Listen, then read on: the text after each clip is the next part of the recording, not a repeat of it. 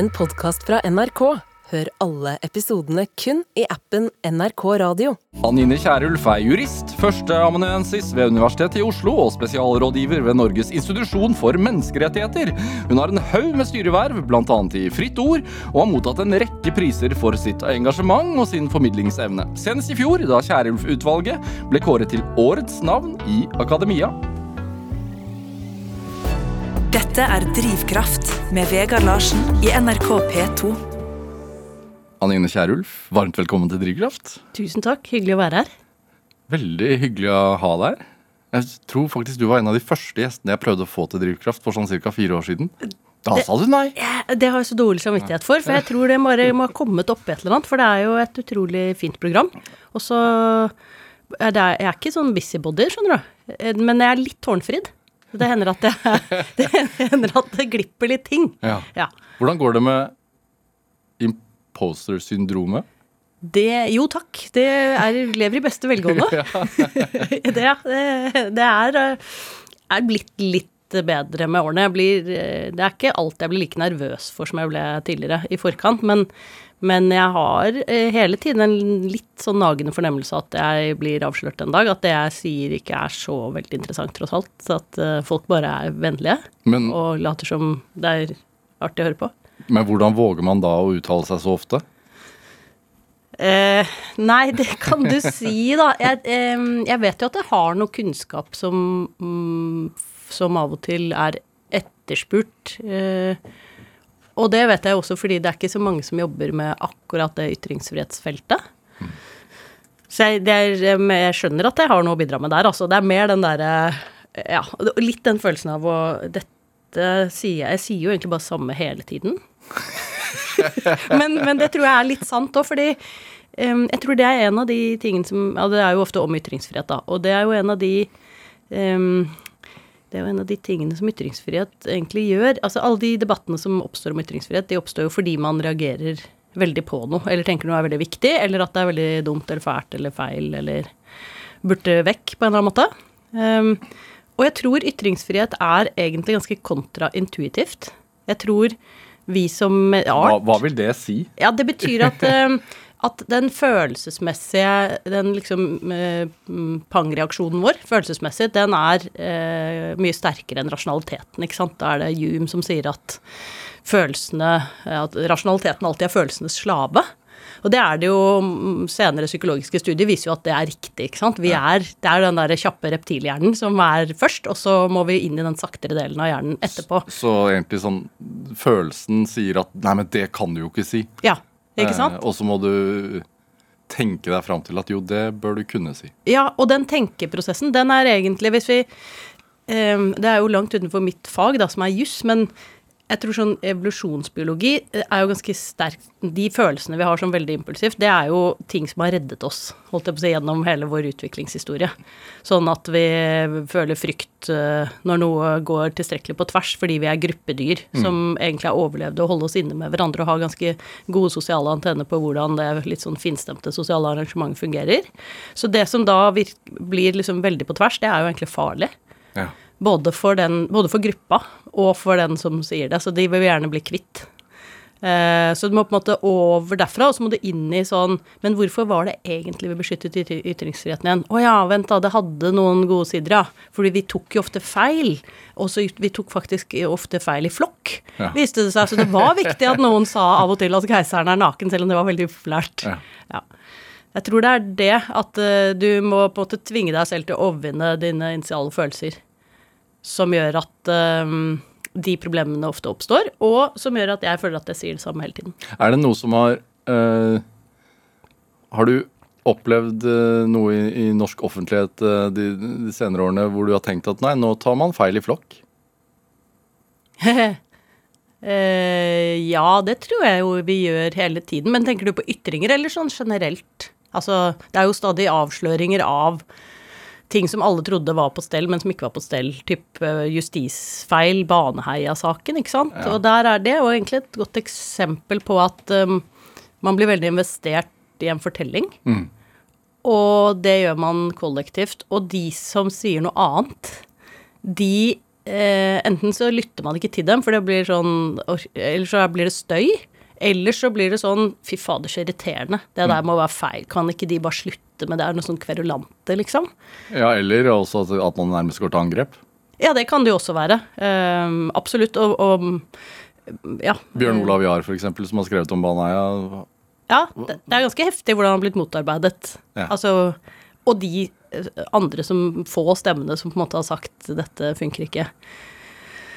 Så jeg vet ikke helt hva det Altså, det, dette er jo Har, har du opplevd det selv noen gang? Og stått på den Hva skal man si? Stått aleine mot en mengde, eller stått på de svake side? Eh, ja, jeg tror jo hver gang man ikke nødvendigvis forsvarer folks ytringer, innholdet i dem, men forklarer hvorfor det er beskyttelsesverdig selv om det er upopulært, så er man jo egentlig litt på den siden. Når da, for eksempel? Nei, altså Sian er jo ikke så veldig populære. Eh, det er jo ikke så vanskelig å forstå at folk tenker at nå får de slutte med den koranbrenningen sin. Har de ikke holdt på med det nok, liksom? Det er bare plagefolk. Eh, ok, det er greit at det er lov, men nå må det være nok. Eh, så det kan jeg jo tenke selv også, egentlig. Men det å forklare hvorfor veldig upopulære stemmer også har lov å ytre seg, da. Det er jo gjennomgående upopulært. Så fordelen for meg med, med den posisjonen, det er jo at de stemmene de kommer fra litt ulike kanter. Ikke sant? Så, for, så er det Rødt den ene dagen, og så er det en eller annen islamist, og så er det litt Sian, og så er det ja, en eller annen forsker som går helt på tvers av forskerfellesskapet sitt, eller sier noe som er veldig ja, usaklig eller langt utenfor feltet sitt, eller Hvordan opplever du det? da? Børster du det bare av skulderen, eller går det inn på deg? Nei, det, det er ikke noe problem, syns jeg, å stå opp for eh, å forklare hvorfor også upopulære stemmer må uh, har et vern. Men jeg synes, det jeg ikke, som jeg ikke syns er så lett å børste av skulderen, det er eh, å bli mistenkt på mine motiver. Det syns jeg er ubehagelig. Hva kan det være, da? Nei, at eh, jeg forsvarer de stemmene fordi jeg egentlig er enig med dem, f.eks. Um, eller at eh, Ja, hva var det en eller Man tar, annen man, tar, man tar mannen og ikke ballen, ja, si. Ja. eller at man er på en måte um, en slags naiv idiot som, uh, som løper uh, skumle krefters ærend. Altså, hva var det jeg ble kalt? Eller var vel alle de som forsvarte ytringsfrihet, som da ble kalt for en slags avgrunnsakrobater, eller av noen sånne lærde folk i Morgenbladet eller et eller annet sted. Det er altså sånn Ja, eh, jeg skjønner hvor det kommer fra, jeg skjønner hva du sier, men eh, er du sikker på at du har tenkt gjennom hele denne fortellingen? Kan det tenkes at jeg gjør det ikke fordi jeg er dritnaiv, men fordi jeg ser en annen verdi i det enn det du ser, liksom? Ja. Ja. Dette er Drivkraft med Vegard Larsen i NRK P2. Og i dag er eh, jurist eh, Anine Kierulf her hos meg i Drivkraft på NRK P2. Det, når jeg uh, går inn på Facebook-siden din, uh, som jeg har gjort, eh, så står det eh, 'Vennelisten min er full'. Eh, jeg har for mange venner til at vi kan bli det, eh, men følg meg gjerne. Og så er det en disclaimer der, eller en ansvarsfraskrivelse. Ansvarsfraskrivelse Er det ikke det som er det norske Det er- Jo, jo. ordet? Ja. Må jo tilfredsstille Åse Vetås i Språkrådet. Ja. Og der, der står det eh, generelt ironivarsel. Ja. Uh, trademark. Ja. Jeg tror ikke det er mulig å varemerkebeskytte et eh, generelt ironivarsel, egentlig, men De har, du, Ja. du forsøker. ja, jeg, ja, eh, det var ironi, egentlig. Så Så er meta akkurat der, da. Og da, der lurer jeg på to ting. Ja. Um, hvorfor dette ønsket om å bli fulgt? Å ja. Nei, det er bare Jeg føler meg så slem når folk sender venneforespørsler, og så kan jeg ikke akseptere det, for det er fullt. Ja. Og da eh, Jeg vil jo ikke være sånn nedlatende, kjip person, så jeg syns jo bare det er veldig hyggelig. Det er bare at jeg, eh, i likhet med kanskje mange, startet det der Facebook-greiene eh, med å egentlig være venn med alle som spurte om å være venn. Og så ble det plutselig ikke plass til masse ordentlige venner, og så ble det litt kleint, og så måtte jeg rydde, og så ble det Ja. Nei, så det er akkurat det, så det er jo litt sånn ufattelig luksusproblem, selvfølgelig, men jeg, jeg skriver nesten alt uh, helt åpent. Jeg Ja. tror jeg skriver alt helt åpent. eh, så det er ikke egentlig noe forskjell på å være venn og følge. Det er bare hvis du har lyst til å lese det jeg skriver, så gjør gjerne det, er det det betyr. Hva, hva skriver du? Det er, noen sånne litt, eh, litt private innlegg, sånn bursdagsgreier og sånn, men Ja. ellers så er det jo øh, synspunkter, meninger Ja. om, om ting som skjer i offentligheten. ja. Jeg bruker det ikke så veldig mye til private ting. Eh, ikke fordi jeg ikke for så vidt kunne dele det, men jeg bare er ikke sikker på hvor interessant det egentlig er i offentligheten. Og jeg tror også at de som uh, følger meg eller leser det jeg skriver, de gjør det fordi jeg har noe faglig å si. Um, og jeg prøver Altså, til journalister så er jeg jo alltid det. Begrenser meg til Bortsett fra her, da. I sånne portretter og sånn. Men ellers så er jeg veldig nøye med det. Um, um, så jeg bruker det til å, hva skal vi si, gjøre mitt lille sandkornbidrag til å prøve å kultivere en offentlig opplyst, åpen og opp, opplyst offentlig samtale. Ja, Om hva jussen faktisk sier ofte, da.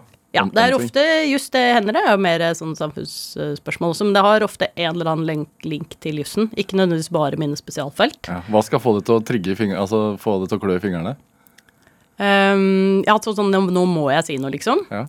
Nei, det varierer litt. Det er ender jeg sett, setter meg på fingrene og ikke skriver noe, altså. Eh, men jeg tror kanskje det har endret seg litt eh, de siste årene også, at det har gått mer over til Det blir en type kanal for å promotere annet innhold, f.eks. podkasten eller eh, tekster, enten som jeg har skrevet selv, eller av andre som jeg syns er interessante, og gir en eller annen type innsikt som jeg tenker er viktig.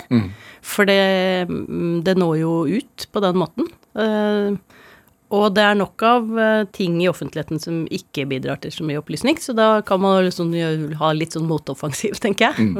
Med å prøve å bidra til det. Og hvorfor behovet for denne disclaimeren? Å ja, nei, det er fordi jeg er jo egentlig en fjasemaker. jeg, egentlig er jeg jo helt useriøs, ikke sant. Så, så jeg liker jo best å tulle og fjase. Um, så ofte så skriver jeg jo ting litt sånn eh, glimt i øyet eller tongue in cheek. Um, men, og av og til så skriver jeg ganske ironisk. Eh, det er jo en ganske skummel sport helt generelt. Eh, Ironi på tekst er vanskelig. Ironi på tekst er veldig vanskelig, så eh, om å gjøre da å gi noen sånne varsler i forkant, ikke sant. Her, du er ikke sikkert du kan ta det for pålydende det du leser her. Har det hendt at folk har misforstått? Ja da, det er, det er om ikke jevnlig Jeg er nok blitt flinkere selv til å kommunisere på en måte som ikke er så lett å misforstå.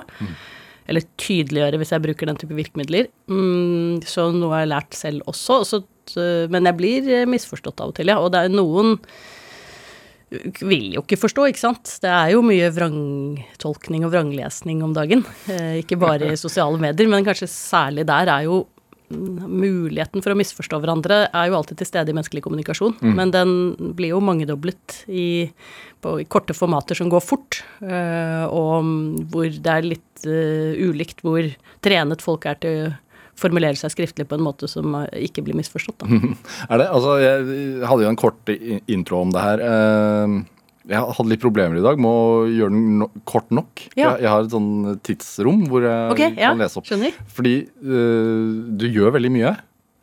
Uh, men, men når du presenterer deg, så sier du at du er jurist. Men, men hva gjør du egentlig? Altså, hva er en vanlig arbeidsdag for deg? Å ja, det er et godt spørsmål, vet du. Ehm, den, de er jo, der er jeg veldig heldig, for de er ofte ganske varierte. Men du er ansatt ved universitetet. Ja, jeg har, jeg har faktisk ikke bare én, jeg har to jobber. så det er ikke så lett å være på begge de kontorene hele tiden. Men jeg har eh, vanlig stilling på universitetet, Ja. på juridisk fakultet nede på Karl Johan. Hvor du underviser. Hvor jeg underviser og forsker og sitter og skriver inne på kontoret mitt. Sånn som man gjør. eh, og går på seminarer og ser gode kolleger og diskuterer ting. Ehm, og underviser studenter. Eh, og så har jeg en 20 stilling som spesialrådgiver i Norges institusjon for menneskerettigheter, som er eh, ja, det er egentlig Stortingets organ for å passe på menneskerettighetene. Så det er organisatorisk underlagt Stortinget, men, men det skal hjelpe egentlig alle statlige organer og etater og alt, og kommunale for så vidt, alle offentlige myndigheter med, å- skjønne hva menneskerettighetene går ut på, og følge dem. Og være en sånn brobygger mellom sivilsamfunn og um, myndighetsutøvere uh, i, i menneskerettighetsspørsmål. Så det er en utrolig interessant uh, posisjon. Som en vanlig arbeidsdag, ja, det er å gå til skolen, holdt jeg på å si. jeg, jeg vandrer til skolen, uh, jeg bor på Majorstuen, og går ned til fakultetet på Karl Johan. Og tilbringer det meste av arbeidsdagen min der, eh, stort sett. Eller så løper jeg møter, eller eh, er eh, borte hos NIM av og til, eller underviser, eller er andre steder. Men det er den vanlige arbeidsdagen. Og da består den i å skrive litt, og tenke litt, og snakke litt med folk på telefon. Eh, eller andre på andre flater. Hva gjør en normal arbeidsdag givende, da? Det er veldig godt når man har fått skrevet noe. Det syns jeg. Det er sånn dager uten å få skrevet noe, det blir jeg litt sliten av meg selv. For eksempel altså skrevet hva? Ja, det kan være åtte fotnoter eh, som må på plass i en eller annen tekst, sånn vitenskapelig tekst, eller det kan være eh, type avistekster, enten som jeg har skrevet selv, eller som jeg redigerer for andre. Jeg har jo eh, den formidlingsdelen av universitetsoppdraget, altså vi skal jo forske, undervise og formidle, den er det jo litt ulikt hvor trent folk er i. Så der er jeg på tilbudssiden også overfor kolleger hvis de trenger eh, litt hjelp til å formulere tekster og sånn. For det er en annen måte å skrive på enn det er å skrive vitenskapelig. Hvis man skal nå til er det? Folk, folk, det er vanlige folks tur, er det ikke det? Ja. Hvorfor er det viktig? Formidle. Ja.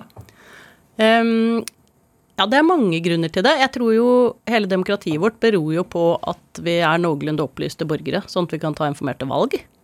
Så sånn sett så er det viktig at den kunnskapen som fins, deles.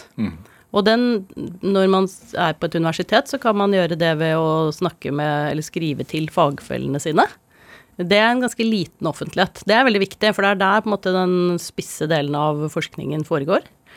Men mm, alle borgerne som betaler lønna mi, de har jo også berettiget interesse av i alle fall få tilgang på den kunnskapen. Og det, så sånn sett så er formidlingen en veldig sentral del av universitetsoppdraget for alle, men en lite insentivert del, og en, en del som vi ikke får noe særlig trening i eller arbeidstid til.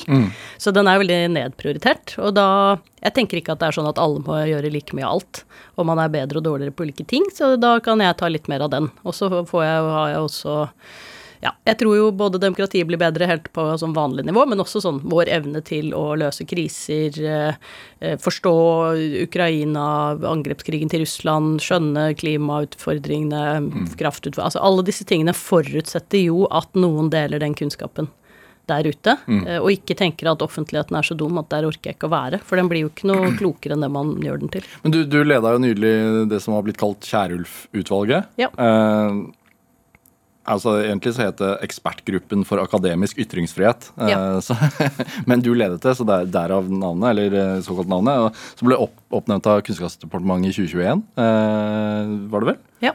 Eh, for å utrede problemstillinger knytta til akademia. Er det eh, er det en, altså De utfordringene i forhold til ytringsfrihet innenfor akademia, setter det en stopper for eventuelt det å ytre seg i det offentlige rom som akademiker? Ja, det var jo egentlig det vi så på, de utfordringene som er der. Ja. Eh, både gjennom å snakke med folk, men også se hva som fantes av forskning. Eh, og prøve å foreslå noen tiltak for hvordan det kunne bli bedre. Ja. Um, så, så, og der er det jo mange tiltak for sånne lovendringer og litt mer sånn nitty-gritty, men, men uh, vi laget også en sånn ytringsvettplakat. Oi, se her, har du Som jeg har foran meg. Oi, så gøy. Vær modig. Vi, vi akademikere må være forbilder for en åpen og opplyst offentlig samtale. Ja. Uh, med de ti, ti ytringsvettsreglene. Ja. Så det er jo løselig basert på eh, fjellvettreglene, eh, selvfølgelig, Ja. som jo er inspirasjon for mange ting. Men uh, det var i grunnen en, en måte å tenke høyt om hvordan vi kan ha en huskeliste for oss selv, ikke sånn pekefinger til de andre. For er jo, vi er ganske kjappe med å arrestere hverandre når vi sier noe feil eller dumt. For kjappe. Ja, i noen grad så er vi nok det um, i, kanskje i alle fall i form. Ja. Ikke sant? Så, for det er jo eh, Vitenskapen forutsetter jo at noen fremsetter en eller annen hypotese, og noen andre eh, river den ned, falsifiserer den. Det er jo måten eh, sannhetssøking går fremover. Så vi er helt avhengig av at noen går i strupen på deg hvis du sier noe de mener er feil. Eh, samtidig så er det jo noen måter å gjøre det på som kan bidra til større innsikt og forståelse. Og så er det noen måter å gjøre det på som kan bidra til eh, sur, dårlig stemning, og at folk ikke orker å ytre seg. og det er jo en fordel å prøve å ligge nærmere det første, fordi uten det så blir det ikke noe sannhetssøken. Det er jo bare hvis noen orker å ta den diskusjonen. Kan du skjønne at folk ikke orker? Ja, ja, ja. Absolutt. Det, det skjønner jeg kjempegodt. Det var derfor vi laget de reglene. Fordi det er egentlig helt common sense. Veldig sånn selvsagte ting. Sånn eh, prøve å tolke hverandre i beste mening og sånn. Eh, eh, men som vi trenger å minne oss selv på hele tiden. Og egentlig tror jeg av samme grunn som det vi startet dette programmet. Vi er følelsesvesener. Ikke sant? Selv vi som sitter på universitetet og har betalt for å bruke rasjonaliteten og hjernen, den sakte delen av hjernen vår. Vi er jo bare følelsesmennesker, vi også. Ja. og det er flott, ikke sant, for ellers hadde det jo ikke fungert i det hele tatt. Men det gjør vi Jeg tenker at vi har en ekstra fordring på oss til å tvinge oss selv forbi den følelsesmessige reaksjonen og klare å uttrykke oss på måter som kan skape bedre offentligheter og mer meningsutveksling, ikke mindre. Men opplevde dere, eller fant dere ut at, at folk rett og slett ikke turte? Ja, det er det jo forsket på, øh, og, det er mange grunner til at man ikke tør. ikke sant? Det er jo ubehagelig å være i offentligheten i det hele tatt. Det er jo skummelt hvis man ikke har trening i det. Så man må jo trene. Så det er jo som første steg, ikke sant. Um, og et av de funnene som er i den forskningen, er jo at øh, akademikere er akademikere verst. Eh, og det kan man Noe av det er på en måte både legitimt og egentlig veldig viktig, fordi jeg tenker selv det verste jeg kan oppleve i offentligheten, det er hvis jeg kommer med et eller annet faglig resonnement, og så kommer det en kollega som er enda flinkere enn meg, og plukker det resonnementet fra hverandre. Altså, det er kjempe Det er sånn skikkelig nedtur. Eh, mye verre det enn hvis noen slenger noe usaklig ræl, på en måte. Eh, men det er jo et, en type ubehag som vi er nødt til å trene på. For det er helt avgjørende for at vi skal kunne gå fremover. Og egentlig er vi ganske tøffe på det. For alt sånn, når vi skriver i tidsskrifter og sånn, så er det sånn peer review, sånn fagfellevurderinger. Eh, de er jo nådeløse, ikke sant? Nettopp fordi de skal ta de svake punktene og gjøre teksten sterkere. Så vi har egentlig trening i det i deloffentlighetene, men vi må trene på det i de større offentlighetene også.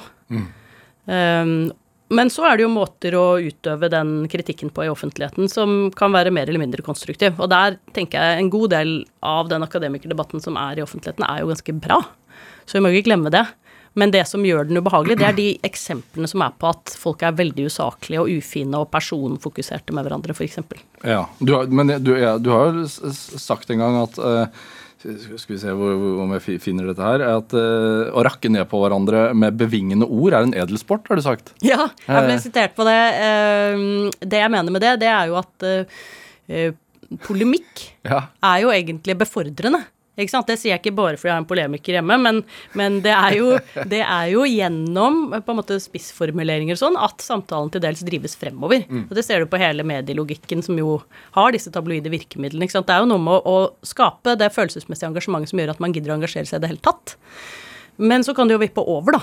Til å bli for polemisk. At det blir usaklig at du tar mannen istedenfor ballen. Ja, som liksom- oftest skjer, og, og som kanskje også er grunnen til at noen velger å da ikke velge Altså rett og slett ikke orke å, å engasjere seg. Ja, og jeg tenker at um, mitt ærend er ikke å si at uh, polemikk er dumt, ikke sant? At man ikke kan bruke retoriske virkemidler i debatt. Fordi da blir det jo dørgende kjedelig alt. Men hvis den type virkemidler skal uh, fungere. Så må det være fordi de er en kontrast til det som er hovedregelen. Og hovedregelen må være saklighet. Er det? Eh, og så har du et, et punkt her på disse ti eh, som er eh, Altså, det er lov å, å, å, å, endre mening. Ja. Venn i tide, ja. Ja. Det er ingen skam å snu. Ja, det tenker jeg er ganske viktig. Eh, jeg vet ikke hvordan det er med deg, men jeg For å ta politikere, da. Ja. De er jo avhengig av stor grad troverdighet. Ja. Ikke sant? Og det er ikke bare kunnskapsbasert eh, ofte det de kommer med, det er jo verdibasert. Når så du en politisk debatt der en politiker en, endret mening? Det er i hvert fall veldig sjelden. Ja. Jeg vil, der vil jeg trekke frem han som eh, vel er i kontroll- og konstitusjonskomiteen, Petter Frølich fra Høyre. Han syns jeg flere ganger har lagt merke til at han har sagt her har jeg skiftet mening. Her er, øh, jeg, jeg tenkte feil da, liksom. Nå tenker jeg sånn som dette. Det syns jeg er en utrolig sånn prisverdig egenskap. Um, som flere politikere med fordel kunne drive med, for det skaper egentlig veldig stor troverdighet også. Eh, Har du lett for å skifte mening? Um, ja, det vet Det har jeg nok ikke. Jeg tror det sitter ganske langt inne for de fleste av oss å skifte mening. Men jeg, jeg tror at hvis jeg Det husker jeg lærte av far da jeg var liten. eh, Og da snakket han om Han var medisiner, da, holdt på med sånn lab-studier og sånn, som er jo mer sånn konkret uh, hypotesefalsifisering, holdt jeg på å si, mer sånn vitenskapelig. Men han sa når du Han har lært av en av sine forelesere at når du motstrebende kommer til det motsatte resultat, så er det som regel riktig. Og det tror jeg ganske Det snakker egentlig til den psyken vår. Vi er veldig Vi blir lett forankret i det første vi trodde. Og det da å, å komme til det motsatte, det, det krever sånn mye mer kamp. Og da har du antageligvis brukt liksom alle argumentene mot de motargumentene du får. Og så allikevel så havnet du der. da er det antageligvis riktig. Så jeg tror jeg er eh, helt menneskelig på det at eh, jeg i utgangspunktet syns det er veldig vanskelig å innrømme at jeg tok feil, eh, og skifte mening, men at jeg skifter mening. Mm. Jeg har, ja, flere liksom, relativt nylige opplevelser med det, faktisk. Så, ja. Fortell. Det, ja, jeg vet ikke om jeg kan dele alt uh, av det. Mm. Det Men Jeg hadde en runde hvor vi drev og redda en skole, hvor jeg først trodde veldig på ett resultat, og så begynte jeg å tro veldig på et annet resultat. Ja, det ble skiftet Nat mening Natur videregående skole her i Oslo. Ja, det stemmer. som, som du, det, der ble det jo, gikk du fra å være eh, hva skal man si, den eh, personen vi kjenner deg fra i media, til å, til å bli eh, aktivist. aktivist. Ja, det var veldig Og ganske sint aktivist. Nei, var jeg Engasjert. Ok, da. Det Sterkt, tror jeg er sånn eh, engasjert. Ja, jeg tror ikke du hadde sagt at jeg var sint hvis jeg hadde vært mann. Altså, jeg, Jeg tror lettere man oppleves som sint når man er kvinne hvis man er bestemt. Nei, det- jeg tror du ville sagt det at eh, Jeg vil si at mannen din også var en sint aktivist der. Ja. Han meldte seg ut av partiet. Og, Ja, han ble litt så sint, det er jeg enig i. Ikke prøv deg. Ikke prøv det deg. er, det er et godt poeng, det, Ja, altså. Nå følte jeg du tok mannen men og ikke ballen. Men nei, ja, eh, ja, jeg tar selvkritikk. Samtidig så jeg, Da vil jeg utfordre deg til å peke på et punkt hvor jeg har vært sint. Er mer er Sint er kanskje et altfor sterkt ord. Men nå merker jeg at nå sitter jeg i klemma her. Vi skal ikke sette deg i den klemmen, men det er helt riktig. Jeg ble veldig engasjert, og det var veldig eh, Det var interessant å være aktivist. eh, og veldig slitsomt, syns jeg. Ja. Så jeg er veldig glad jeg ikke ellers driver med det. Jeg er veldig glad jeg stort sett har den der forklarerrollen istedenfor den pådriverrollen. Så jeg har all respekt til de som har, stort sett er pådrivere og aktivister. Men også veldig sunt, tror jeg, av og til å gjøre noe helt annet enn det man gjør. Fordi man får en annen respekt for de som holder på med noe annet enn en selv. Altså til vanlig, da. Det er jo Det kommer jo alltid fra et sted, det engasjementet som bidrar til aktivisme. Det, man trenger ikke være enig i verken målet eller virkemidlene. Men man må respektere at det kommer fra et følelsesmessig veldig dypt sted. Ja. Du var engasjert i Fosen-saken også? Ja, der var jeg nok bare faglig engasjert. Ja. Eh, Men, men faglig engasjert på den måten at eh, Jeg er litt sånn indignert på vegne av rettsstaten, tror jeg.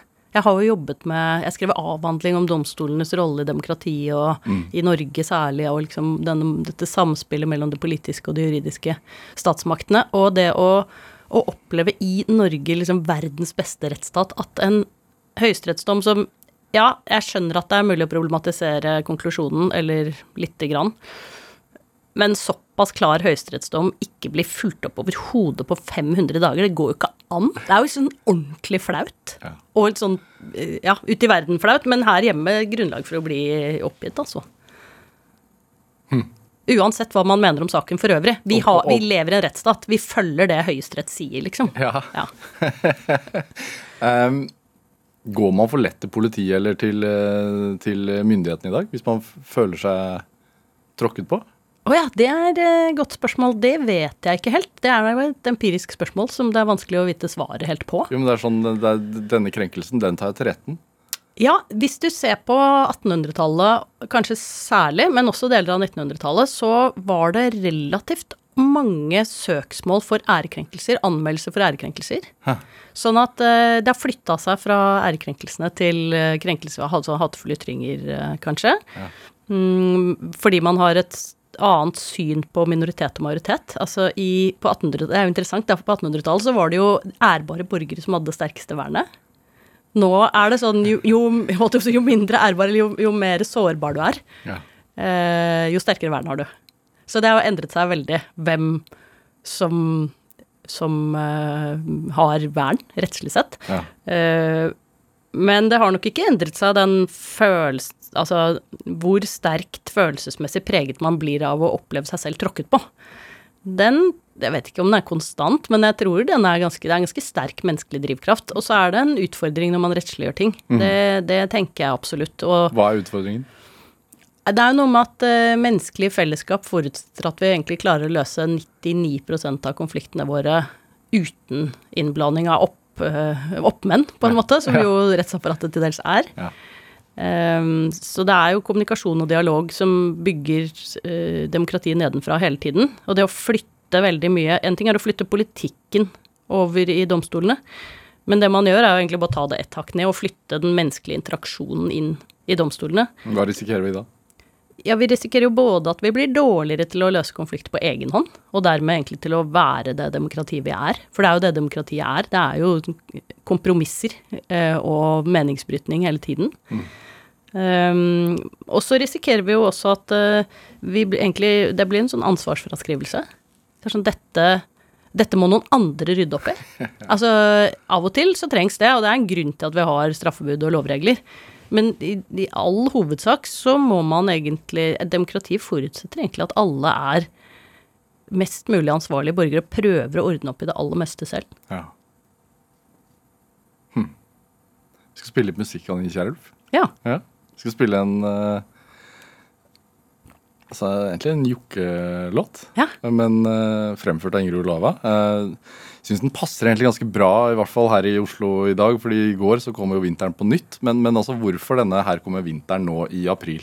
Ja, det er jo Jeg velger meg jo april for å ta den eh, vintersangen. Um, ja, nå så jeg akkurat Jeg må bare ta det. Var en, eh, en eh, bekjent eh, mm, oppe på Nordmøre som skrev en sånn bekymringsmelding. For det var så utrolig leit for alle oss syd for Dovre som nå Han hadde hørt på sånne nyhetssendinger gjennom hele dagen om hvor forferdelig det var her på Østlandet. Så hvis du vet jo hvis du hvor det er et annet sted i dette landet, så er jo ikke det som kom i går, veldig krevende, kan du si.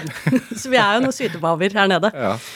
Um, nei, det var egentlig ikke at vinteren kom som gjorde at jeg tenkte på den sangen. Det var det var at jeg likte den så godt. Jeg er ikke så god på populærkultur. Jeg var mye bedre på det da jeg var yngre. Jeg elsket Jokke og var på konserter og um, Ja, kan jeg avspore meg selv Ja, en gang til? Jeg, jeg var på Da kommer jeg på nå, for jeg var på Det var Jokke-konsert på Blitz. Jeg er jo vokst opp på Oslo vest, men jeg var friker, så jeg var sånn eh, Vedkjente meg ikke det snobbegreiene. Um, og så skulle vi på konsert på Jokke, og så så vel han dørvakten Jeg vet ikke om han Han så sikkert at vi var for unge, for det var vel helt åpenbart, men eh, Kanskje 14. Uh, men uh, også at vi var for streite. Og det var utrolig nedtur. Og så sa han du, du kommer ikke inn, du er for streit. Og så sa jeg du kan ikke avvise meg fra en Jokke-konsert med en Raga-låt. Og da fikk jeg komme likevel. Ser du? Er Jurist allerede da, eller advokat faktisk. Kanskje det var der det begynte. Ja, det var der det begynte.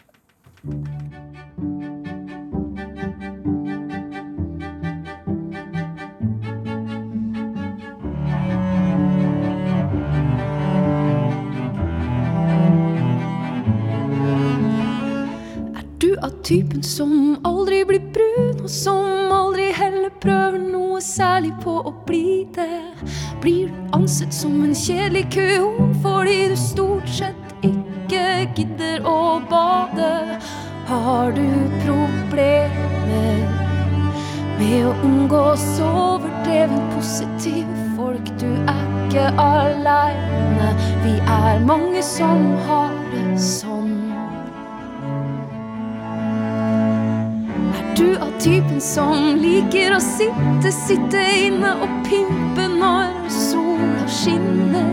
Er du av typen som er svak for sport, men bare på skjermen og bare når vi vinner? Da har du problemer.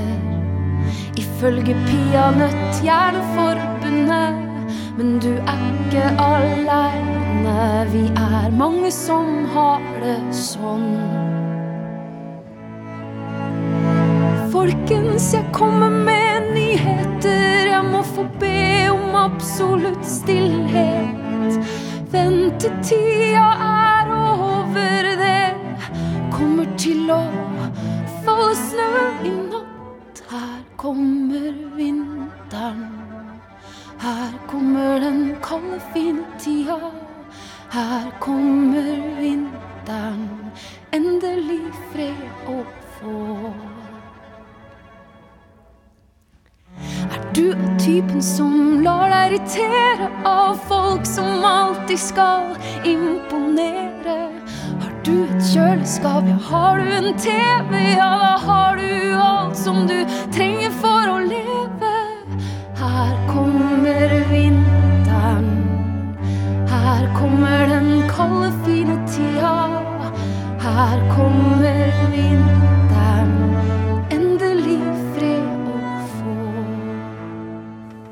Ja, du fikk eh, Ingrid Olava med her, kommer vinteren' eh, i Drivkraft eh, på NRK P2. Valgt av dagens gjest her i Drivkraft, nemlig jurist Anine Kierulf. Det, altså, den- 'Her kommer vinteren' men det handler jo egentlig ikke om det. Det handler jo egentlig om å Det er bare NRK som tror den handler om uh, vintersport. ja. Hva handler den om for deg? Nei, den handler vel om uh, krevde tider, Ja. tenker jeg. Jeg uh, er ikke så ofte ikke så glad i sånn coverversjoner av låter, men eh, jeg syns denne var så utrolig vakker. Jeg fikk, eh, var ikke klar over det i det hele tatt, så trakk, traff jeg Ingrid Olava på en fest. Og så snakket vi om det, og så var jeg flau selvfølgelig fordi jeg ikke hadde hørt hennes innspilling, og jeg kan jo ingenting om det som foregår i verden, egentlig. Eh, og så sendte hun meg den og var så snill. Og så var den jo helt fantastisk, så jeg og hørte på den i natten alene. og ja, det brakte egentlig minner tilbake. En ting var Jokke og sånn, den tiden der som var fin, men også sånn alle, alle de mørke tankene, da, som, er, eh, som ligger inni den sangen, i tillegg til at den er, er eh, blid og bejaende. Ja, Hvilke mørke tanker vekket den hos deg? Nei, sånn eh, Det var jo Da den sangen kom, det var vel kanskje 91, Jokke-sangen, altså. Det var sånn litt krevende tid i mitt liv, for da hadde Ja, mor og far skilte seg vel da jeg var ti, det var i 84, og så tok eh, broren min livet av seg i 1986. Eh, så de årene etter der, det husker jeg veldig lite av. Men jeg husker jo at det var en del sånne tanker, og det var kanskje mer sånn i 20-årene at det kom veldig tilbake da. Det var sånn mitt grubletiår. Ordentlig nede i dybdene der. Eh, De, de ikke så gode dypene. Hm. Hvilke Um, spørsmål stiller man seg da? Nei, men det er jo meningen med livet, egentlig. Så det er jo store spørsmål. Um, og så var jo um, Ja, det var nok både det altså far flyttet, og det ble liksom det forholdet ble veldig annerledes enn det hadde vært før, så det var jo et savn, og så var det Per Kristen, storebroren min. Så det var, men det var en veldig sånn klar erkjennelse av at um, den muligheten å ikke leve, den var brukt opp i vår familie, så det var ikke en opsjon. Um, og det gjorde vel kanskje de depresjonene og den tiden mer Jeg vet ikke. Da må, man måtte være der og håndtere det på en eller annen måte. Tror jeg. For hvem? For meg, Ja. men også for mor og far. Hvordan, hvordan kommer man seg ut av det, da? Hvordan snur man det? Altså den, du sier at det, det å ikke være her var ikke noe valg, men, men da, da har man begynt å tenke veldig mørkt. da. Men hvordan kommer man seg ut av det? Hva, hvordan finner man mening? Nei, det vet jeg ikke. Det, det tror jeg jo er helt individuelt. Um, jeg tror vel det var en Det er, jo, det er vel en slags selvoppholdelsesdrift i oss, som er ganske sterk. Eh, Det er jo masse å leve for også, alltid. Natur, eksempel.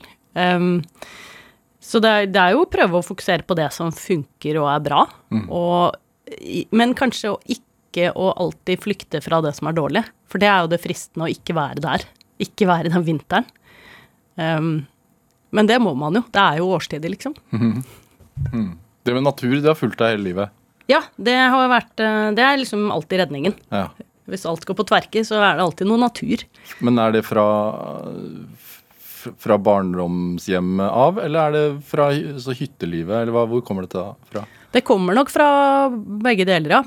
Altså, våre somre i min barndom var eh, der oppe på Nordmøre, eh, ja, Sunndalen kommune, som ligger Det er en sånn fantastisk vakker dal hvor Men det, det er ingenting der. Det er ikke vann og strøm og dekning og ingenting. Em, så bare veldig mye natur, og det både, var både mor og far veldig glad i. Så Og jakt har jeg hørt.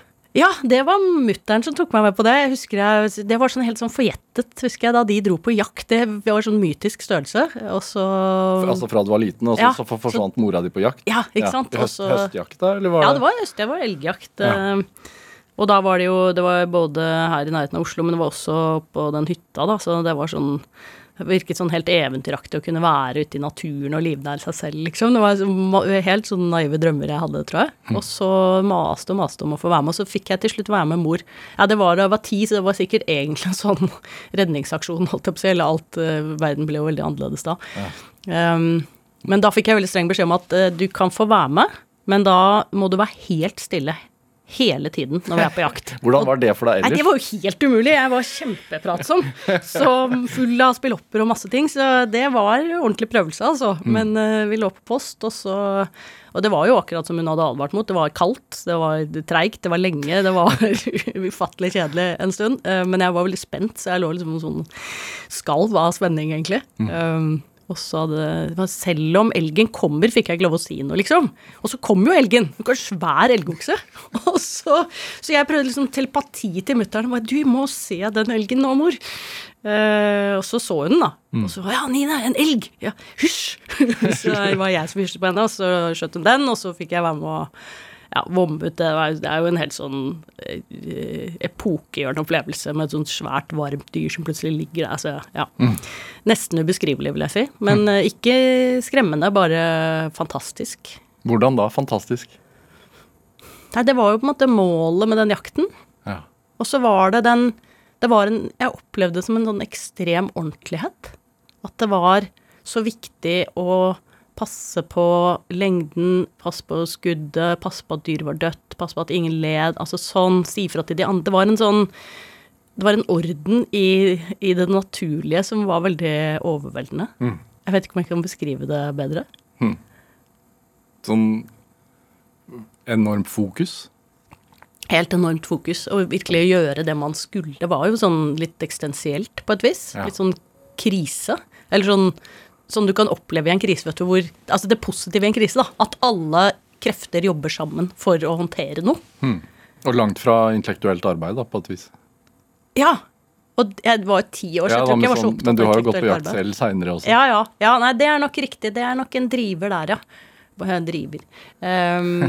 Eh, det er det absolutt. Det, eh, det tror jeg Men det tror jeg Jeg trenger ikke å gå på jakt for å ha det, altså. For jeg kan være Jeg er jo i naturen på masse Stort sett er jeg jo i naturen uten å gå på jakt, vil jeg si. Og det det, men det er nok det aspektet av fravær av eh, av det rasjonelle eller det analytiske er ganske fint. Stemmer. Altså, når skjøt du din første elg selv? Da var jeg 19, tror jeg. Så da, men da hadde jeg jo gått og dilta i frakkeskjøttene på de jegerne em, i alle år, da. Jeg fikk være med etter det, Ja. hvert år. Og det var, eh, det var høydepunktet i året, rett og slett. Ja. Så Også da jeg skjøt min første elg, så gikk jo det heldigvis som det skulle. Um, men da var jeg også sånn ufattelig konsentrert og gjorde alt jeg skulle og sånn, og fikk være med å vomme og da fikk jeg hjelp, da, heldigvis. Det må jeg stå, av, av og til ha ennå også. så det er ikke vanskelige greier. Men, eh, men, og det er lettere å være to-tre når det er litt større dyr. Men um, Og så da alt var ferdig, og jeg satte meg ned, og liksom krisen var over, alt var håndtert som det skulle, så svimte jeg av. og det fortsatte jeg med tror jeg nesten ti år. Oi. Nå er jeg blitt gammel og kynisk, så nå klarer jeg å håndtere det åpenbart. Eh, Men hvorfor det, tror du? Nei, jeg, jeg, vet, jeg har ikke egentlig noe godt svar på det. Jeg, jeg tror bare det er så eksistensielt. Det er så Det er liv og død. Ja. Jeg tror jeg tar det inn med alle sanser. Og jeg tror den voldsomme konsentrasjonen i å gjøre Å passe på at alt blir så ordentlig som det kan. Kan det skje ved andre eh, hendelser? At jeg svimer av. Ja? Aldri skjedd. Nei. Nei. Altså, jeg har sikkert gjort det hvis jeg har fått blodtap eller et eller annet sånn. eh, Et eller annet sånt. Ja. Men nei, eh, nei og, og nå er det ikke sånn lenger, og det er jeg egentlig glad for, for det er ganske upraktisk og ubehagelig. Ja. Men, eh, men den, den følelsen som er eh, holdt på både å være Altså det der eh, fantastiske sosiale samvær og den mm, den tilnærmingen til natur og naturforvaltning og viltforvaltning, alt dette er jo en helt sentral del av det. Eh, Og kanskje særlig med de Jeg har et sånt jentejaktlag på hytta som er en utrolig bra gjeng med sånn superordentlige damer. Eller hva er det hundejaktlæreren sier? Det er en, det, vi er ganske forskjellige, da. Det vi har felles, er at ingen av oss er riktig tamme. det er Hva, egentlig på hvilken måte er ikke du riktig tam? Nei, jeg, du hører jo det. Kan ikke holde på sånn som dette her. Fjase og tulle og Ja, ja. Nei, jeg er ikke riktig tam. Jeg vet ikke. Jeg bare Hva, Jeg vet aldri helt hva jeg, hva, hva jeg skal. var, du ta, var du tam som barn? Nei. Nei. Nei, jeg har blitt tammere. Det er jeg nok. På hvilken måte var du ikke det? Jeg gikk nok mine egne veier, ja. Hadde, hadde mange tanker om hvordan verden hang sammen, som ikke nødvendigvis stemte overens med omgivelsenes. Uh, Hvor var barndomshjemmet? Det var på Hegli ja. her i Oslo, rett eh, på baksiden av Frognerparken. Så jeg gikk på, først gikk jeg på Steinerskolen på Grav, det var en ganske lang eh, skoletur. Eh, men så fikk jeg lov å slutte etter at jeg hadde en krasj med læreren, og så tok han og Det var sikkert meg som hadde vært utkrøpen, altså, men eh, han mente at jeg da fortjente å Det var en sånn knaggrekke bak i klasserommet, så han tok og hang meg opp på, på den knaggen inni jakken. Så jeg måtte henge der til jeg ble snill. Men jeg var jo, mente jo at jeg var snill. Hadde ikke noe å unnskylde for. Ja. Eh, Så jeg hang der en time, da. Så fikk jeg komme ned etterpå. Det, var, jeg tror ikke jeg led noe veldig overlast, egentlig. Eh, Men da jeg kom hjem, fortalte det til mor. Ikke som en sånn offer, for jeg tror nok egentlig at jeg tenkte at jeg hadde fortjent jeg fikk, sikkert. Så syntes nok mor at det var litt over kanten for en lærer å gjøre. Så da fikk jeg Eller jeg tror hun skjønte at det- kom aldri til å bli noe bra match, jeg skulle jo ha han læreren i mange år fremover. Så da fikk jeg lov å slutte å begynne på Smestad isteden. Og ganske sta, da. Ja, svært sta. Det tror jeg nok. Um, men veldig sånn blid og omgjengelig og sosial. Uh, men ganske sånn høyt og lavt. Klatret i trær og gikk med kniv på skolen fordi jeg ville spikke og ja. Så litt sånn annerledes på mange Jeg har alltid følt at jeg ikke passer helt. Hvorfor det, tror du? Nei, jeg passer vel ikke helt. jeg vet ikke. Nei, det er vel uh, en form Gjorde du et forsøk? På å passe, ja. Ja. Altså, hele ungdomstiden min er jo egentlig bare et skuespill, føler jeg. Er sånn å late som jeg syns at alt som var riktig, var gøy. Ja. Jeg syns jo egentlig ikke alltid at det var så gøy. Jeg syns det var ganske overfladisk mye. Ehm, men det tror jeg jo mange føler på i, eh, i tenårene, at man blir sånn Ja, det er bare meg egentlig i verden. Var det derfor du ville bli skuespiller også? Nei, det kom helt tilfeldig. Jeg tror for så vidt jeg hadde drevet og kledd meg ut og holdt på med ablegøyer og sånn eh, opp igjennom. Ja, jeg husker faktisk at jeg var Askeladden i fjerde klasse. Da, det var min debut på scene, tror jeg. Da jeg fikk spille Askeladden. Jeg var en av flere Askeladder, tror jeg, da. Men, eh, så det var jo stas å få spille Askeladden. Men da skulle jeg hente prinsessen helt på slutten. Jeg tror det var liksom avslutningsscenen. Og så red jeg inn på det Det var jo før man begynte med sånne metaforiske kjepphester. Dette var en kjepphest, husker du de? Altså det var jo sånn du red på som, Ja, som tullehest, liksom. Så jeg red inn på den, og så skulle jeg ri ut med prinsessen. Og så var jeg så opptatt av å redde prinsessen at jeg, at jeg glemte hesten. Og så rev vi ut, hipp, hipp, min raske hest, og så var vi på vei ut i kulissene, og så Nei, vent, jeg glemte hesten! Og så løp jeg tilbake og hentet hesten. Så ja, det ble liksom komikk i noe som egentlig ikke skulle være så komisk. Det, det var jo en grei oppsummering av livet. Er det, er det for, for meg så fremstår jo uh, juss og, og teater som ganske store forskjeller, men er det noen likheter? Ja, ja. Retten er jo et teater. Hvis du går Altså rett som, som jurist når du går i retten, og hvis du er advokat Ja. eller dommer. Det er jo et, et slags eh, skuespill etter en, eh, etter en felles dreiebok, men med ulike skuespillere og ulikt eh, tema. Du jobbet jo en periode som advokat også, Ja. altså i Skjøtt. Ja, det stemmer. Eh, følte du det da? At eh, rettsrommet var liksom scenen? Jeg tenkte nok ikke på det sånn, men, men jeg husker da jeg, da jeg studerte, for det var jo ørkesløst kjedelig, særlig på starten, hvor jeg ikke skjønte noen ting av studiet. Det tok lang tid før jeg liksom knakk den koden i det hele tatt. Hvorfor ville du det da? Nei, det, jeg tror det var en lærer på videregående som hadde Vi, vi hadde han i idéhistorie, og så laget han en sånn lekerettssak mellom ideologiene, hvor vi skulle argumentere for hver vår ideologi. Og så skulle vi bytte i løpet av uken. Og da syns jeg i grunnen det der å argumentere for noe, det var Trengte ikke å støtte selve saken, det var bare interessant å argumentere. Og da, så han sa du må jo bli advokat. Eh, og så tenkte jeg at eh, det kan jeg bli. Eh, men så ble alle andre Det var jo ganske mange sånn Oslo Vest-folk som begynte på jussen. Og det ville jeg ikke. Jeg ville ikke henge med de samme folka og bare gjøre det samme som alle andre gjorde, liksom. Så da tok jeg et år fri og jobbet som lærervikar og lærte litt, var i Spania, lærte litt spansk. Og så tenkte jeg at det var litt dumt å la seg styre av flokken til ikke å gjøre det jeg egentlig hadde lyst til. Så da begynte jeg på jussen likevel. Ja, Ja. Først i Oslo og så i Chicago. Ja, så jeg var eh, Stemmer, jeg tok en mastergrad i Chicago da jeg var ferdig, ferdig her, ja. Ja. ja. Det med det å like å argumentere, og like å se begge sider og motargumentere, er det født sånn eller blitt sånn, antar jeg å si? Ja, det er et godt spørsmål. Jeg tror nok det er begge deler. Det, det forutsetter jo en viss eh, analytisk evne. Ja. Men det er jo en treningssak, og så er det nok eh, Og det tror jeg eh, både mor og far var veldig mm, åpne. Mm. Altså veldig lite dogmatiske. Um, så det var alltid lov å snu og vende på alle spørsmål og ting. Og egentlig oppfordret.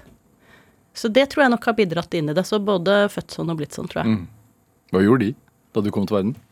Da jeg kom til verden, så var de vel veldig glad, tror jeg. Mm, eh, mm, Per Kristen, min bror, var jo åtte og et halvt år eldre enn meg, så jeg tror de hadde prøvd lenge å få et barn til, og så trodde de ikke at det kom til å skje. Så da sto mor og klippet uh, grenene på linnetrærne i hagen. Da gikk vannet, tror jeg. okay, du, tok, du tok det bokstavelig. Ja, ja. Jeg tenkte du mer yrkesmessig. Å ja, sånn, ja. ja. Nei, eh, ja, far Du eh, tenkte når gikk vannet, du. Ja, hva gjorde de da jeg kom til verden? Da, det var jo det du spurte om. Jeg skjønner. Så mm, ja, det er hva de gjorde for øvrig. uten- akku- ikke bare akkurat i fødselsøyeblikket, ja. Ja. Ja, ja.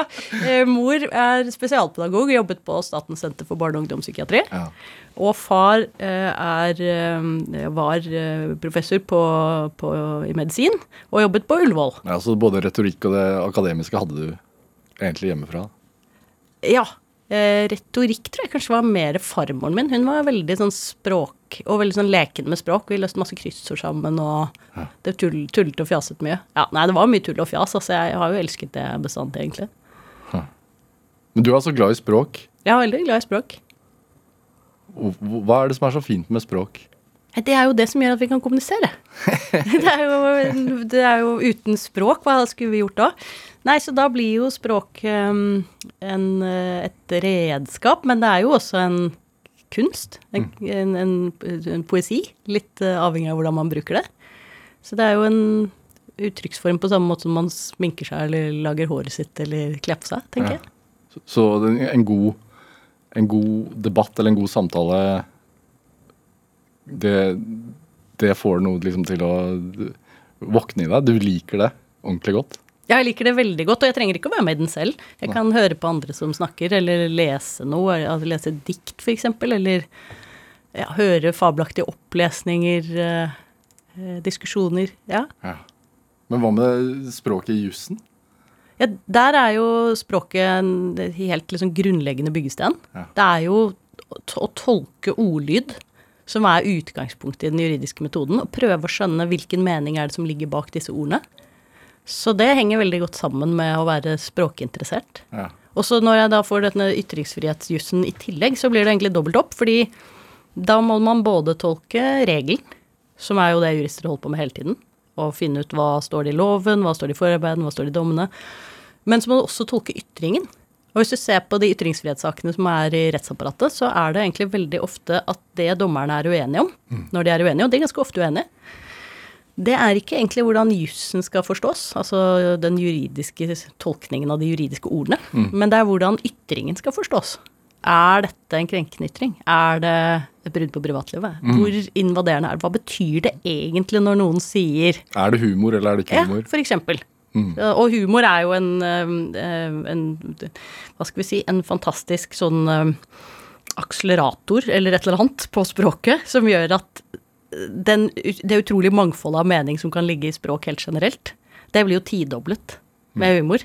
Da kan det bety så utrolig mange andre ting, og det kan kommunisere noe helt annet, og til dels det stikk motsatt av det man sier, hvis man er ironisk i ordets egentlige forstand, kanskje. Ja. At du sier det motsatte. Derav denne ironidisclaimeren på Facebook-siden din, si.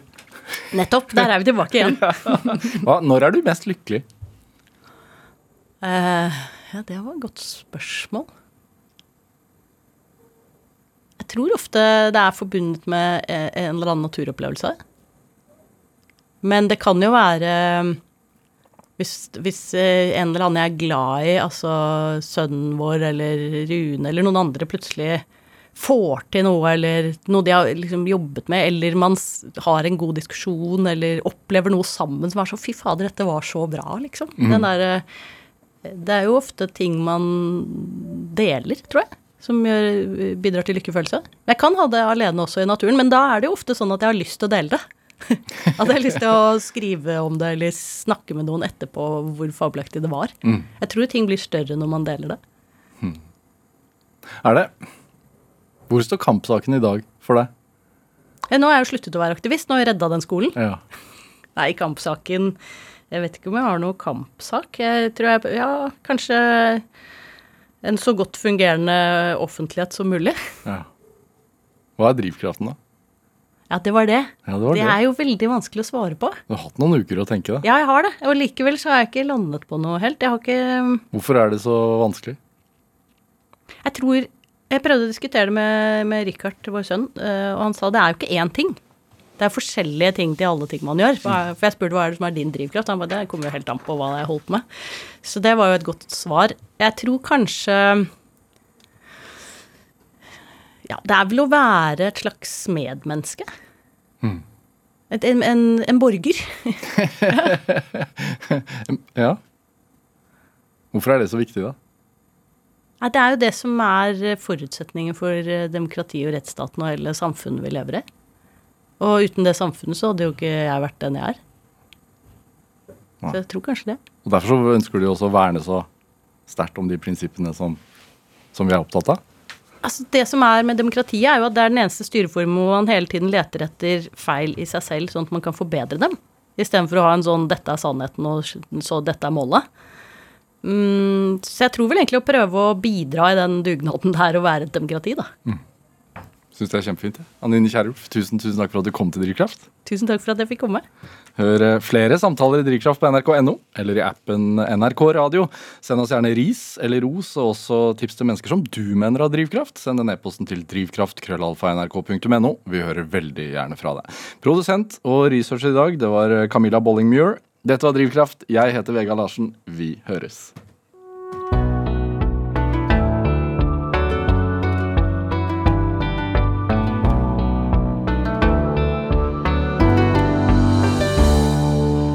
Du har hørt en podkast fra NRK. Hør alle episodene kun i appen NRK Radio.